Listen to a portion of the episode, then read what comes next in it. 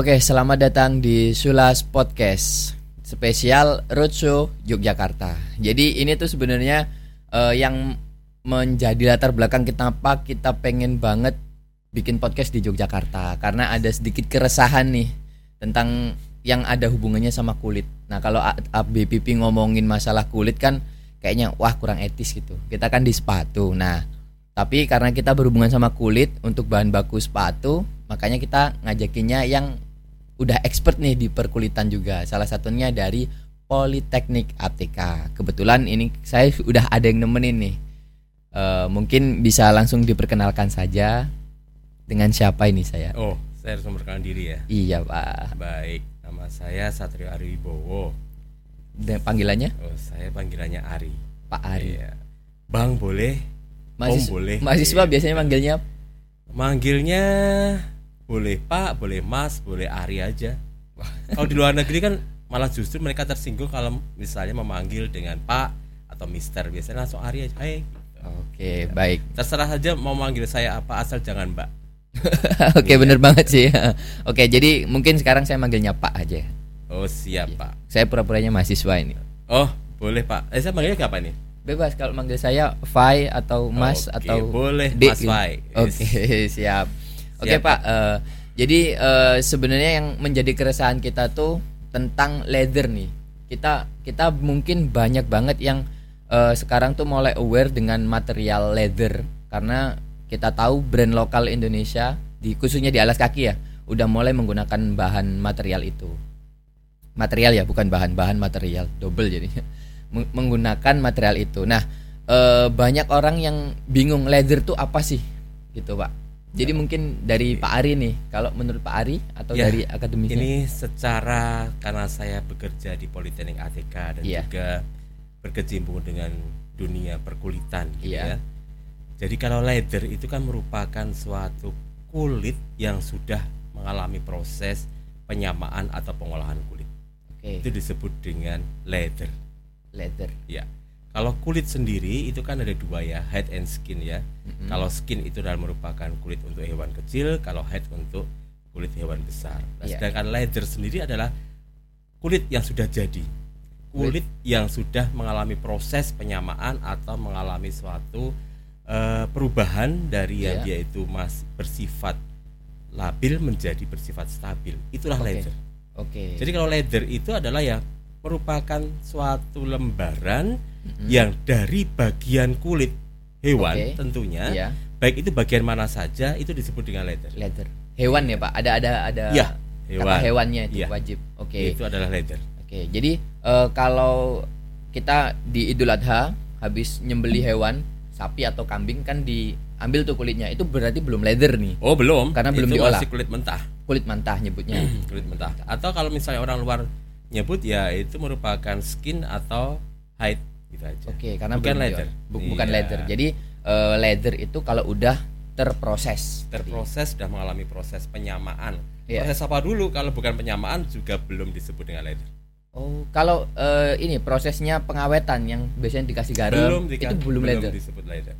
Kalau kulit perkamen, Pak? Belum disebut leather. leather. Leather kalau sudah eh, bentuk di depannya masnya itu ada sepatu atau Oh ya ini ada sepatu ya. Yang siap untuk dibikin suatu produk itu yeah. adalah leather. Oke, berarti uh, tadi saya nyebut kulit perkamen. Jadi kulit perkamen itu kulit uh, kambing, sapi hmm. atau kulit hewan yang di yang diawetkan, diawetkan secara kering. Kering pakai pakai garam. Kulit pakai perkamen oh, itu dikerok. Dikerok. Oh iya, dikerok. Kering matahari.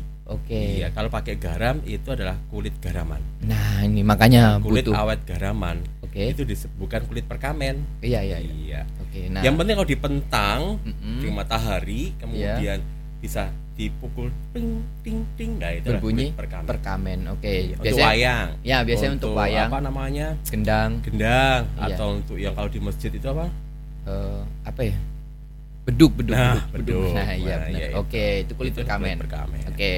jadi mungkin ini bisa jadi tambahan nih kulit perkamen tuh seperti apa uh, kemudian uh, tadi Pak Ari menyatakan kalau di leather itu hewan dari hewan Pak. Ya. nah uh, beberapa hari yang lalu nih saya melihat salah satu video nih pak dia tuh menyebut leather tapi bahannya itu dari kaktus dan serat nanas. Nah, ini gimana nih kalau menurut Pak Ari nih? Ya kalau dari kaktus atau serat nanas Iya. mungkin ada juga pernah saya membaca itu Mas eh, Iya. dari gembok pisang segala Iya. macam itu.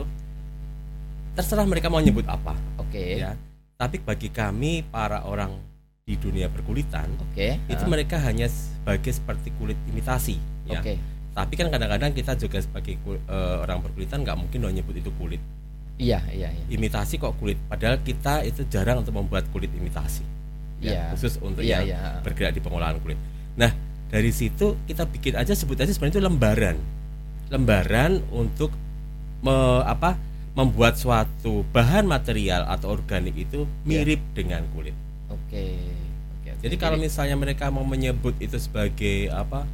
Leather. eh, leather atau Iya. mungkin yang apa hayati itu apa Iya, namanya? eh, vegan, Eh, vegan, vegan leather, ya itu kan vegan leather. hanya untuk brand ya, untuk Oke. meningkatkan brand Iya, iya. dan itu meningkatkan suatu nilai jual kalau marketing kan gitu. Iya, iya. Ya, padahal kalau dari kami ya itu bukan leather. Bukan yang leather ya. disebut leather itu ya dari kulit bagian dari kulit hewan mana pun apakah itu dari eh, premium atau Iya. semi premium atau genuine leather. Iya. Nah, genuine leather itu juga merupakan kulit yang kualitas rendah.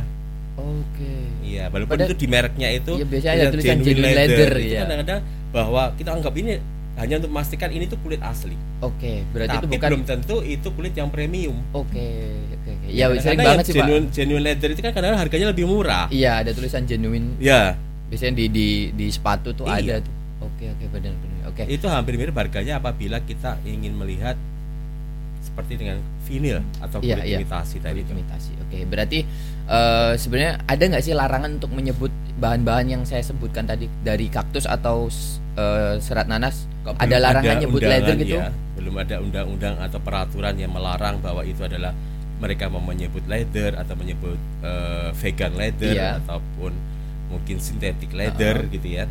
Tapi kalau di sini umumnya biasanya kalau eh, untuk synthetic leather udah umum bahasa Mm-mm. umum ya Iya, walaupun iya. mungkin di asosiasi atau mungkin dalam suatu perkumpulan perkulitan itu kita di dalam dunia sendiri di Iya. keluarga perkulitan sendiri Iya. itu nggak mungkin itu bukan bukan leather Oke, oke, oke. ya Jadi mungkin jadi- dengan wacana ini kita bisa membuka wacana masyarakat bahwa Mhm. yang disebut leather itu yang dari kulit bagian dari kulit hewan, hewan.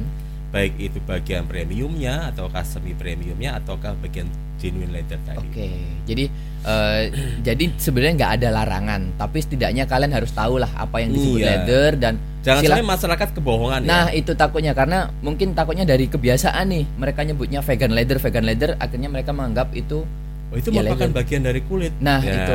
Nah, itu. kulit apa Nah. kulit tanaman kulit gedebok pisang atau kulit nanas nah itu terserah aja tapi Iya, kan itu iya. kulit jelas eh komposisinya juga lain ya ini seperti Oke. ini mungkin ya nah ini kebetulan Bahwa- bawa bahwa apa, Apa ini namanya maskot eh bukan maskot kulit sebenarnya itu kulit itu yang seperti ini ini kalau Ya. kulit tuh dipotong gitu ya. ya ini dipotong ada tiga lapisan besar sebenarnya kulit itu Oke, ini kayak kuliah nih. ya kayak kuliah enggak Kelihat- supaya supaya yakin yang disebut leather itu apa Oke, benar Gitu ya. banget. Iya, iya. iya. apakah nanas itu ada seperti ini Iya, apakah gedebok pisang itu seperti ini Iya. komposisinya iya, jelas iya. enggak kan Iya, enggak. karena di sini ada harus adanya epidermis ada bagian dermis dan bagian subkutis subkutis itu kalau eh, masnya itu habis motong ternak itu kemudian ada bagian yang nempel ke daging Iya. itu bagian subkutis Oke, yang Ya. kayak putih itu, Pak. Kayak Eh, apa? Biasanya warnanya apa? Atau kayak lemak ada kandungan lemak Oh, lemaknya iya, itu iya, yang iya, harus iya. dihilangkan Iya, iya. Nah kalau bagian epidermis ini ini ada lima lapisan juga yaitu dari stratum Oh. corneum, lucidum, kemudian granulosum, kemudian spinosum dan geminativum. Iya. Itu adalah merupakan lapisan. Nah apabila kita melakukan suatu proses merubah kulit menjadi leather yang Iya. berbulu, mm. kan ada yang kulit yang berbulu Iya, ya. iya, iya. Ini adalah masih ada dipertahankan. Oke. Tetapi kalau misalnya kita ingin membuat leather, Mm-mm. ini yang harus hilang. Oke. Ya, ini hilang karena apa? Karena supaya ada bahan kimia tersebut bisa masuk, Masuk. ke dalam serat-serat kulit ini. Oke. Yang menjadikan kulit tadi apa? Stat apa statis atau apa? Stabil. Oh, stabil ya, saya Karena lupa. ya ya apa?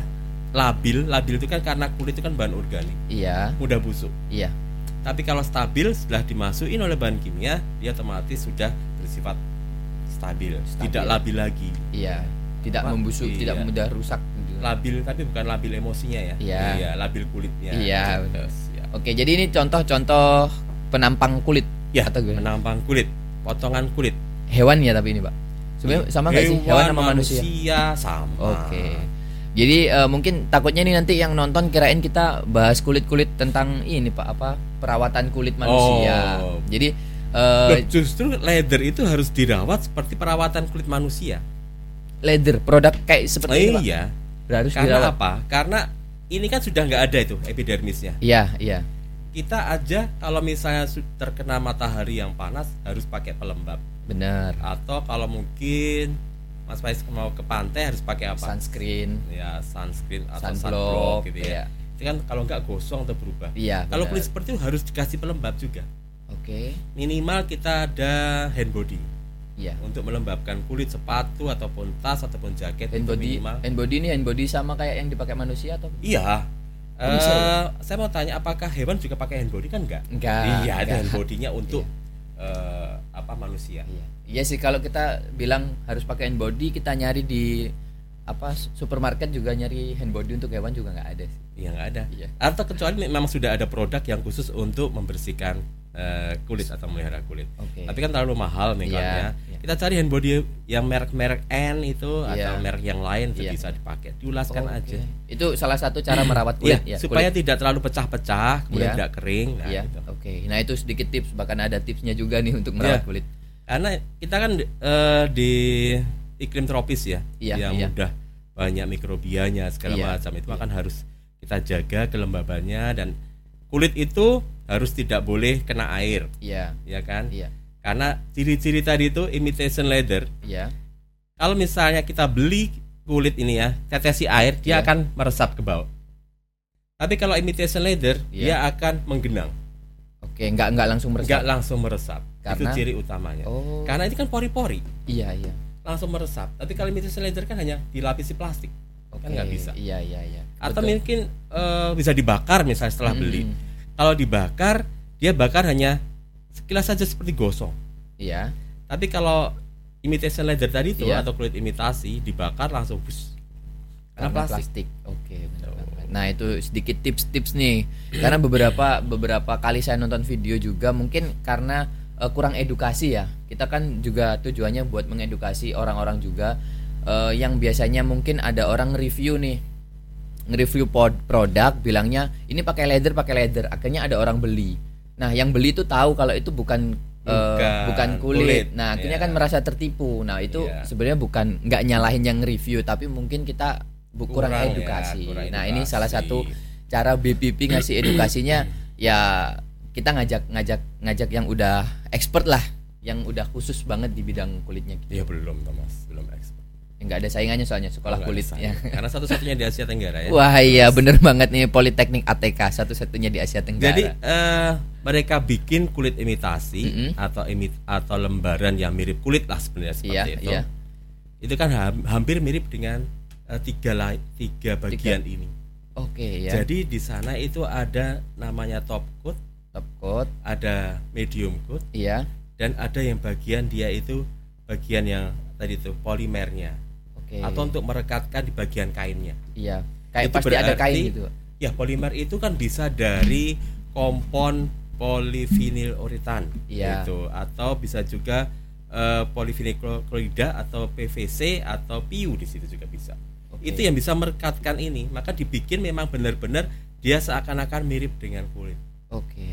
Nah, maka disebut dengan kulit imitasi Mm-mm. atau lembaran yang mirip dengan kulit. Oke, berarti gitu ya. Jadi itu bukan benar-benar dari hewan yang di tadi. Oke, nah Ya. eh, sekarang kita udah tahu nih. Jadi eh, buat teman-teman yang mau nyebut vegan leather, balik lagi ke tadi, Vegan leather. silakan. Iya. Tapi setidaknya kalian harus tahu lah eh, apa leather tuh yang seperti apa dan vegan leather tuh sebenarnya bukan bukan, benar-benar leather. hanya lembaran Hanya yang lembaran men- dengan menyerupai. ku- menyerupai, menyerupai kulit. kulit. Iya. Nah, oke. Tapi itu. mungkin terlalu panjang ya. Kalau misalnya Iya. kita bikin brand, kemudian eh, lembaran menyerupai kulit dari nanas ya, atau ku- eh, kulit nanas atau bagian lapisan nanas yang dibuat menjadi lapisan mirip kulit kan terlalu panjang. iya terlalu. Nah, mungkin nggak laku ya. Nah, Maka dibikin kata yang enak ya, ya vegan leather. Nah, oke, okay, itu kita udah dapat jawabannya dari keresahan kita kalau mau bahas ini ini gimana cara ngedukasinya orang-orang biar nggak salah.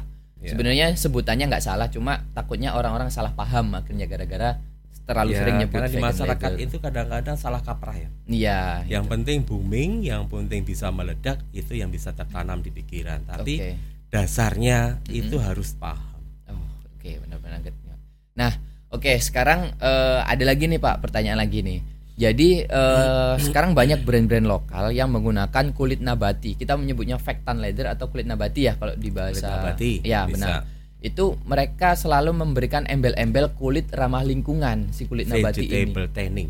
Vegetable tanning leather. Nah, itu kan menggunakan bahan penyamak kulit yang nabati. Nabati. Iya. Oke, jadi dari, dari kulit kulit nabati eh bahan penyamak kulit nabati itu dari apa sih pak? Oh itu dari tanning ya karena iya, tanning iya. itu bahan penyamak itu biasanya kita menggunakan eh, logam-logam berat atau garam-garam mineral seperti iya. kromium atau Zn atau iya. aluminium nah itu uh, biasa digunakan. Mm -hmm. Tapi sekarang ini kan ada peraturan uh, di industri perkulitan yaitu harus menggunakan bahan-bahan ramah lingkungan. Benar. bahan-bahan ramah lingkungan itu apa? Yaitu yang kita menggunakan bahan-bahan yang tidak mencemari lingkungan nantinya untuk sebagai limbahnya. Iya.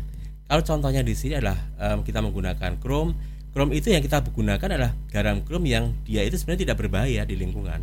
Okay. Karena krom valensi 3. Iya. Tetapi setelah menjadi limbah, kemudian berinteraksi dengan lingkungan, maka dia akan berubah menjadi krom valensi 6. 6. Krom valensi 6 itulah yang berbahaya di lingkungan. Oke. Okay. Ya.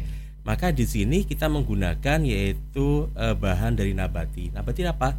Yaitu dari serbu akasia pohon-pohon akasia pohon itu akasia ya. dibikin tepung. Oke. Okay. Bisa atau bisa juga ini ada yang baru booming dari diteliti itu yaitu dari tandan pisang kepok.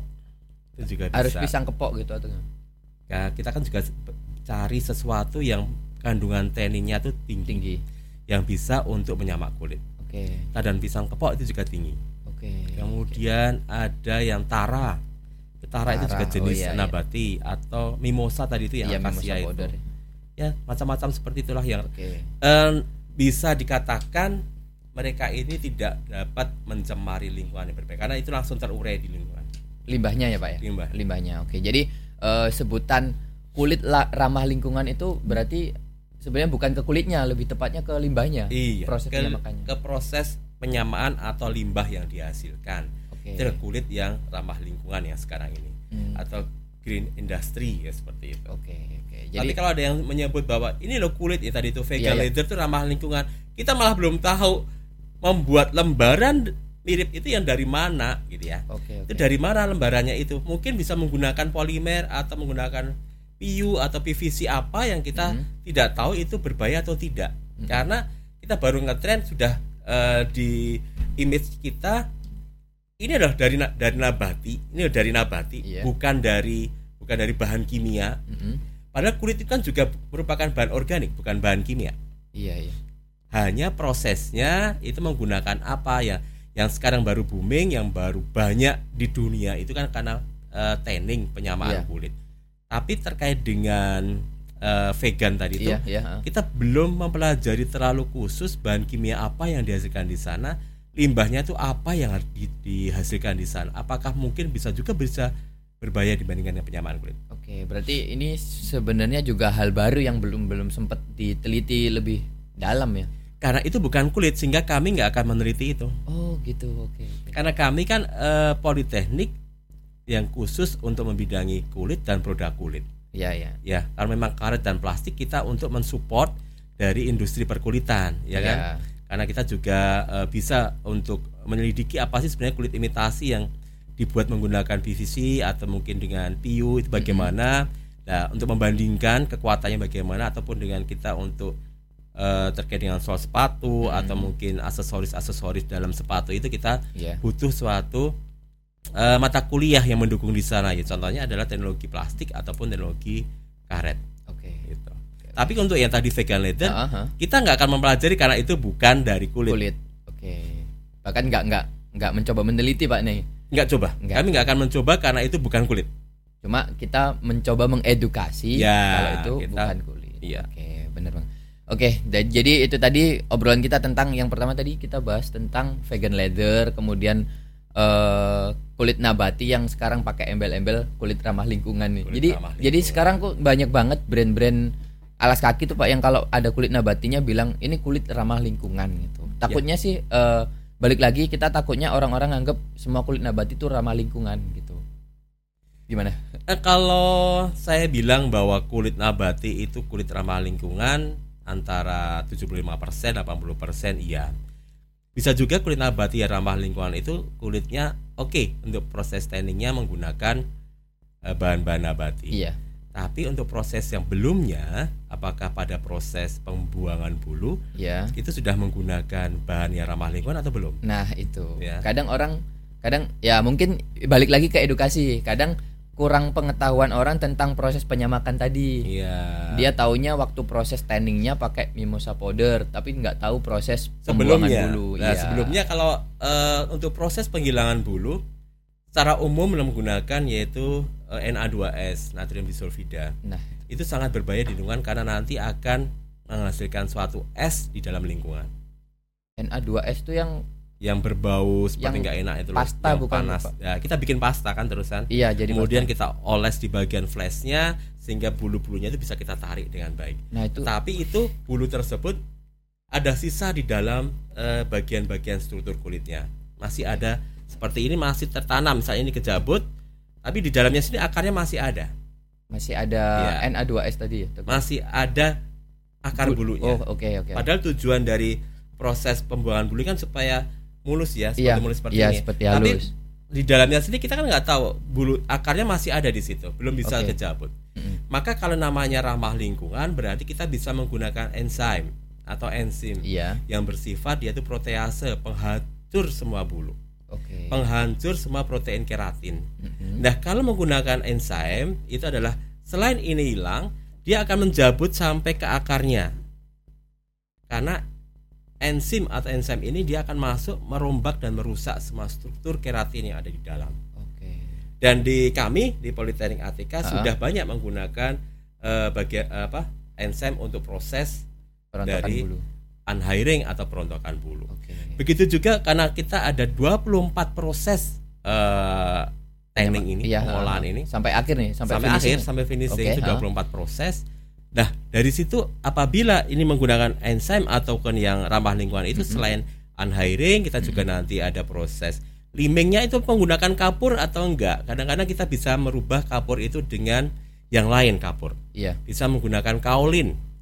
Ya. oke Kaolin itu sejenis tepung yang dia itu juga tidak menghasilkan panas di, di lingkungan sekitar. Mm-mm. Nah, itu bisa kita menggunakan aplikasi antara kaolin sama enzim tersebut untuk supaya eh, fungsi liming ini kan membengkakkan kulit sehingga bulu itu terjabut. iya Nah, kemudian ada proses betting atau proses penghilangan protein globuler. Itu juga harus menggunakan enzim. oke Nah, kalau menggunakan bahan-bahan kimia yang lain, tapi kemudian pada proses tanningnya menggunakan eh, apa tadi itu Eh, nabati, Nabati, ya, mimosa, nabati, ya. tapi yang lain tidak, itu juga bukan disebut sama aja dengan bohong bukan nggak nggak bisa 100% Iya. ramah lingkungan juga Maka tadi saya bilang saya bisa menyebut sekitar 75 atau 80 persen lah itu bisa dinyatakan ramah lingkungan. Tapi bagaimana dengan proses yang lain? Apakah menggunakan eh, bahan-bahan yang ramah lingkungan? oke oke oke jadi eh, pertama yang embel-embel ramah lingkungannya itu bukan ke kulitnya tapi ke prosesnya Ke semua prosesnya. Oke, jadi eh, itu tadi mungkin buat teman-teman yang selama ini dengar kata-kata ramah lingkungan karena kulit nabati, ada ada hal yang harus harus kalian ketahui juga. Jadi bukan ramah lingkungan si kulitnya, tapi prosesnya yang benar. Prosesnya sehingga nanti bisa dilihat kandungan BOD, COD, TSS-nya dari limbah tersebut. Karena Iya, nanti produk akhirnya adalah limbah ya. Iya iya. Dari pihak lingkungan, Kementerian Lingkungan Hidup atau mungkin Badan Lingkungan pasti yang melihat adalah limbahnya. Oke. Nah, limbah ini bagaimana? Nah, kulitnya ini bagaimana prosesnya kan gitu. Oke, menarik banget nih tentang kalau ngomongin penyamakan kulit itu sebenarnya menarik pak. Cuma kalau Ya eh, butuh bersemester-semester. Iya, tapi kalau baru dengerin kayaknya apaan Apa itu? NA2S eh, Iya. itu apa ya? Mungkin eh, dari Politeknik ATK punya nggak sih kayak video tentang itu apa proses-prosesnya yang 24 proses tadi gitu. Kemudian Kita ada, pakainya- ada, ya? setiap prosesnya ada eh, karena di apalagi dalam kondisi yang sekarang ini ya. Jadi Iya. setiap mata kuliah itu kita bikin satu video tutorial. Wah, keren tuh. Jadi mahasiswa yang masih uh, yang harusnya praktek di lab pada tahun 2020 ya. Iya. 2020 mau nggak mau dosen dan asisten ini membuat suatu video tutorial bagaimana tahapan-tahapan proses penyamaan kulit khusus untuk yang penyamaan uh, mata kuliah penyamaan kulit. Oke. Karena WFH WFH kan, pandemi. karena nggak boleh kan ya, tahun ya, 2020 ya. baru ganas-ganasnya itu ya. tetap muka ya tapi kemudian tahun 2021 awal mereka harus tetap masuk offline tapi kita ya dengan pro prokes, prokes yang kuat, yang kuat iya. Okay. nah pengen banget sebenarnya videonya itu bisa nggak sih pak kalau dilihat uh, publik mungkin di boleh YouTube. saja sebenarnya. Kami sih nggak nggak akan nggak merahasiakan itu karena yeah. ilmu itu kan untuk semua ya. Yeah, yeah. jadi diperkenalkan aja. Nah daripada melihat videonya datang aja langsung ke kampus kami di Politeknik ATK Jakarta. Wah, bisa nih langsung. Boleh dengan senang hati. Boleh oke. Jadi uh, buat teman-teman yang penasaran sebenarnya banyak sih orang yang penasaran pengen dong aku lihat proses pembuatan kulit pengen dong bikin uh, bikin sepatu atau proses pembuatan sepatu kayak gimana. Mereka tuh kayak uh, ngerasa tapi masuk ke kantor gituan emang boleh gitu boleh kami terbuka, kami okay. open karena kami adalah pelayan masyarakat. Sama seperti BPP juga. Iya ya? sama. Mau karena konsultasi. kita kan sama-sama di bawah Kementerian Perindustrian. Iya benar banget. Iya. Saling mendukung untuk di UKM maupun masyarakat-masyarakat setempat. Oke, benar banget. Jadi buat siapa pun yang penasaran, jangan dipendem aja penasarannya, berangkatlah gitu loh, datang. Betul. Kita kita terbuka, kita tuh ada untuk masyarakat emang iya. ya pak ya. Jadi uh, mungkin teman-teman yang ada di sana jangan mudah percaya dengan hoax hoax itu ya. Karena kadang-kadang kan banyak sekali tau uh, langsung ini postingannya siapa? Ini postingan siapa? Datang aja ke sumbernya langsung kita akan menerima kok. Oke oke siap. siap terima kasih pak informasinya nih. Kalau siap, ada yang mau datang silakan ke BPP juga nih. Kalau mau datang konsultasi tentang produk atau Sepatu alas kaki jelas, ya. alas kaki ke BPP. Langsung aja ke BPP. Tapi gratis. materialnya boleh datang ke politik. Nah, itu kita ya, nanti apa bekerja sama ya. Udah itu dan itu semua gratis kok. Konsultasi tuh konsultasi tuh nggak ada yang berbayar karena kita emang ya udah kita udah dibayar negara tuh ngapain iya, minta lagi ke mereka. Ya, asal nah. kita itu bisa melayani kita akan uh, dibayar tentunya dengan yang di atas. Oke, okay, ya kan? bener iya. banget, bener banget. Oke, okay, mungkin uh, itu saja Pak sedikit yang kita obrolin. Mungkin nanti kalau ke depannya ada keresahan-keresahan lagi saya bakal datang ke sini lagi Pak. Ya. Siap. Mungkin kita melayani. Kita ini take video di lab penyamakan atau di tempat lab-lab lab-lab karet atau Boleh. apalah gitu ya. Siap. Mungkin di ATK mungkin lebih lebih lebih tahu prosesnya iya. juga. Gitu. Dengan senang hati kami akan tetap melayani masyarakat dan mungkin teman-teman semuanya. Oke, oke Pak Ari, itu tadi obrolan kita tentang kulit dan keresahan teman-teman BPP tentang material kulit. Iya, terima kasih Mas Fa, uh, Mas Fa ya, gitu ya, Mas Fa, gitu ya. Dia nggak mau dipanggil Pak, jadi Mas aja. Iya, saya masih, masih muda. muda iya. Saya juga masih muda, umur kita kan 11 12. Iya, benar. saya tadi masuk gerbang aja dikira mahasiswa kok, Pak. Oh iya. Iya. Oh, saya masuk gerbang malah diusir. Awas awas ah, jangan lewat, jangan lewat. Oke. Oke, saya rasa uh, cukup lah Pak ya untuk obrolan kita okay, tentang sedikit tentang kulit. Terima kasih informasinya. Semoga bisa bermanfaat. Baik, oke. Okay. Terima kasih uh, sharingnya juga Pak. Semoga nggak ba banyak yang salah paham lagi dengan Siap. sedikit sharing kita. Semoga kita juga bisa ketemu lagi untuk ngobrolin kulit lebih dalam lagi nih Pak. Oh, Oke, okay. okay. terima kasih Mas. Terima kasih atas kehadirannya, waktunya Pak siap. Ari. Sukses uh, selalu untuk BPP. Amin, iya. alhamdulillah. Oke siap. Terima kasih atas uh, partisipasinya teman-teman yang udah mau dengerin atau mau nonton karena ini ada di YouTube juga nantinya. Uh, terima kasih dan sampai jumpa di Sulas Podcast selanjutnya. Bye. Bye.